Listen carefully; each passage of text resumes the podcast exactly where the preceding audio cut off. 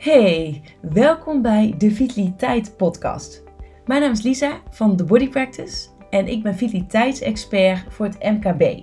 En wekelijks deel ik in deze podcast mijn tips en adviezen die ik tegenkom bij mijn opdrachtgevers op de werkvloer. En dan kun je denken aan thema's zoals voeding, eh, lichaamsbeweging, stress en werkdruk, slaap en nog veel meer. Soms doe ik dit alleen en soms met een gast. Ik wens je heel veel luisterplezier.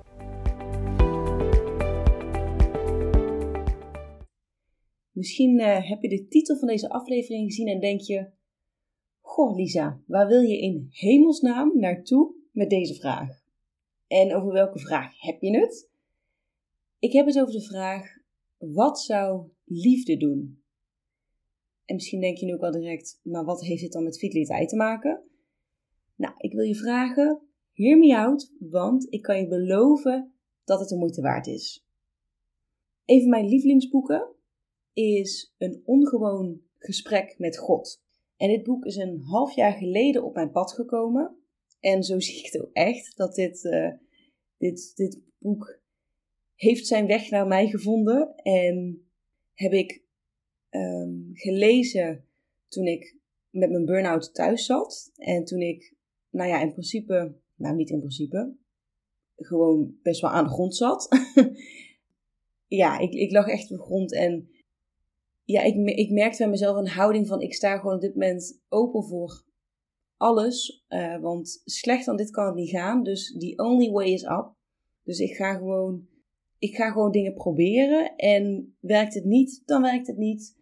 Um, maar goed, ik, ik sta er gewoon voor open. Nou goed, dit boek kwam op mijn pad. En ik heb het boek inmiddels twee of drie keer gelezen. Ook twee of drie keer al geluisterd in het afgelopen half jaar. Omdat er zoveel ja, kennis in zit en zoveel.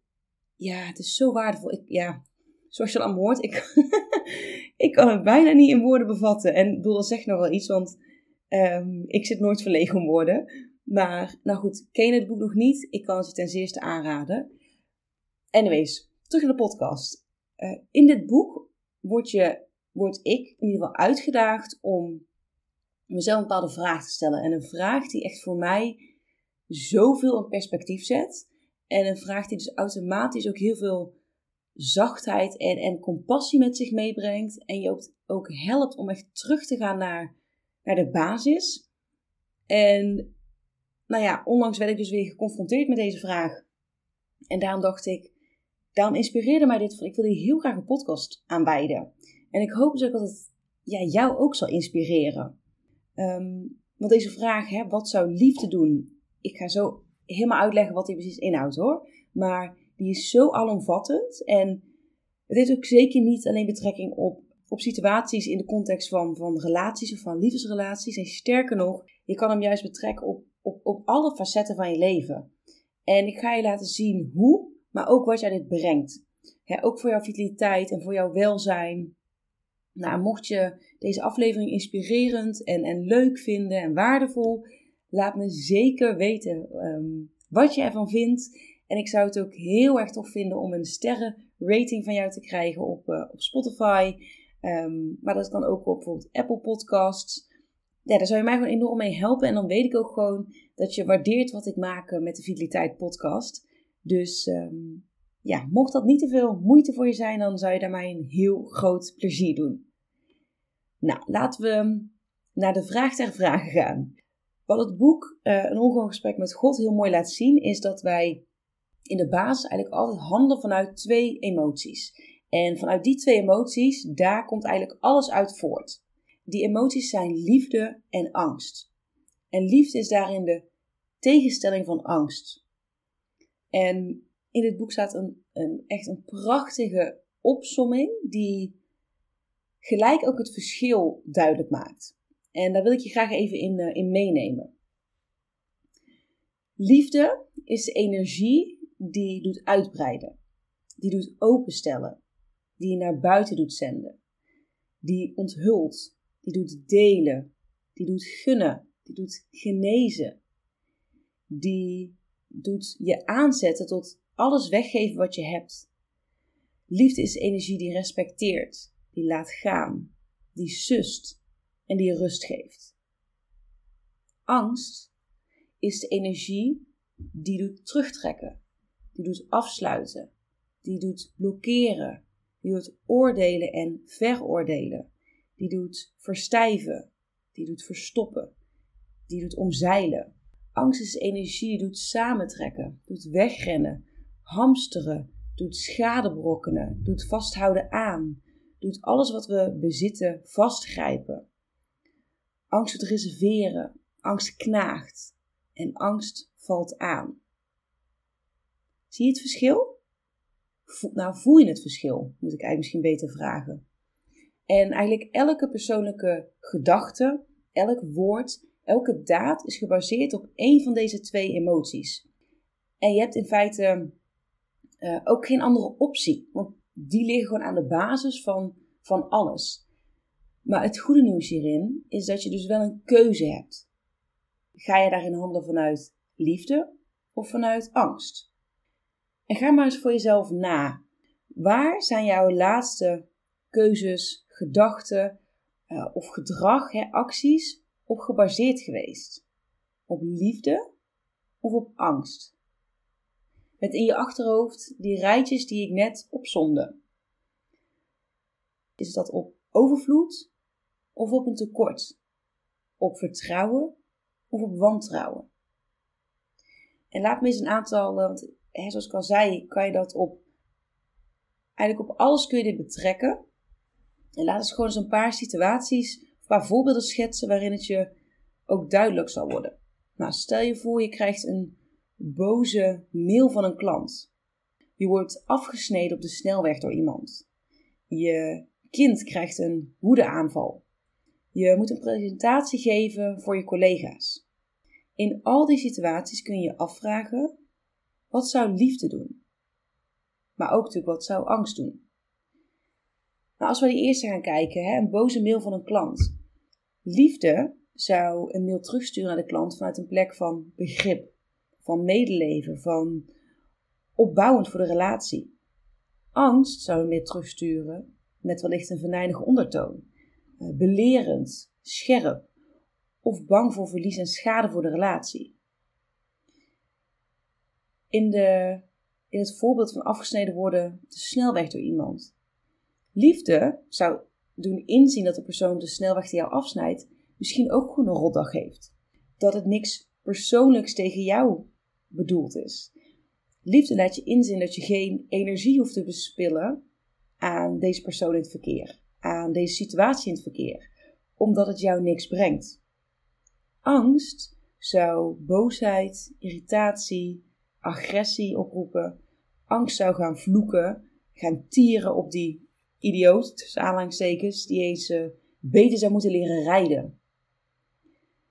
Liefde zou jouw kind met een woedeaanval troosten, sussen, het gevoel geven dat je kind gezien en gehoord wordt.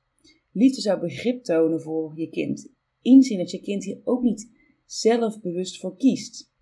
Angst zou boos worden, zou geïrriteerd raken, zou je kind terechtwijzen, zou het gedrag afkeuren en daarmee je kind het gevoel geven van afkeuring voor het uiten um, van zijn of haar emoties. Liefde zou de presentatie voor je collega's ruimte geven aan je spanning. Liefde zou ervoor zorgen dat je met compassie naar jezelf kunt kijken.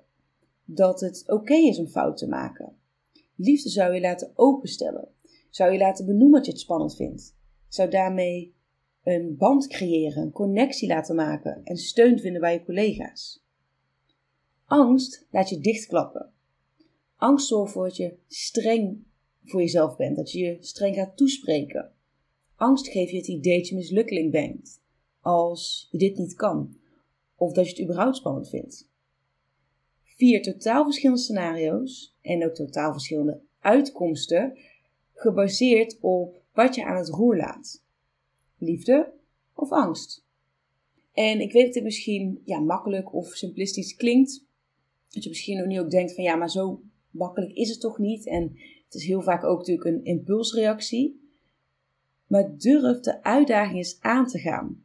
geef jezelf deze week, deze komende week is de opdracht om stil te staan bij de vraag: wat zou liefde doen? In elke situatie die je tegenkomt. Of je nou ergens in de supermarkt staat en je bent um, aan het overwegen wat je die week gaat eten. Wat zou liefde doen? Liefde zou je waarschijnlijk de keuze laten maken om maaltijden te kiezen die je voeden. En die je niet alleen vullen, maar die je ook zorgen dat je je nutriënten binnenkrijgt. Alle voedingsstoffen, dat je uiteindelijk je energiek voelt. Even als voorbeeld. Dus welke situatie dan ook in terechtkomt, stel jezelf de vraag: wat zou liefde doen? En sta vervolgens ook eens bewust stil wat jouw initiële reactie of gedachte of uh, actie zou zijn. Is het eentje uit liefde of uit angst? En het gaat hier uiteraard natuurlijk niet om dat je perfect moet proberen te zijn. dat je nooit meer iets uit angst mag doen. Want, uh, nou ja, ze zegt natuurlijk niet voor niks. Angst is een slechte raadgever. Maar het enige wat ik je wil meegeven is: ben je hier eens bewust van? Ga eens vanaf een afstandje kijken naar jouw eigen gedrag, naar je gewoonten, naar hoe jij um, ja, acteert, reageert. En sta je stil bij vanuit welke basisemotie handel ik. En als je hier komende week mee aan de slag gaat en deze aflevering heeft je geïnspireerd, stuur hem gerust ook eens door naar iemand in jouw omgeving. Uh, misschien vind je het wel heel fijn als je hier het met iemand over kan hebben, bijvoorbeeld. Of als je met deze opdracht als het ware niet in je eentje aan de slag gaat, maar juist samen met iemand. En ik ga die uitdaging zelf ook aan. ik ga me ook voornemen om mezelf vaker de vraag te stellen: wat zou liefde doen? En vervolgens ook proberen vanuit die staat van liefde te handelen. En ik ga ook zeker ergens in mijn huis een reminder voor mezelf plaatsen. Want zoals ik al zei, ehm, die reacties, die zijn natuurlijk heel vaak gewoon op de automatische piloot. Waardoor je er in, in eigenlijk niet echt bewust van bent. Dus ik ga ook even zorgen dat ik een reminder voor mezelf plaats. En dan kan je ook zeker aanraden om dat ook te doen. Plak bijvoorbeeld een post-it op je spiegel. Uh, schrijf het op in je notities in je telefoon. Of misschien heb je ergens wel een boekje liggen in je huis. Zet het als achtergrond op je telefoon. Leg een blaadje op je nachtkastje met de vraag: wat zou liefde doen? En ik ga gewoon eens even heel bewust kijken wat er gaat gebeuren in mijn leven als ik mezelf deze vraag vaker stel, ten eerste. En vervolgens er ook voor ga kiezen om vanuit die basisemotie, vanuit liefde en vanuit die instelling te gaan handelen. Doe je met me mee? Want ook dit is vitaliteit.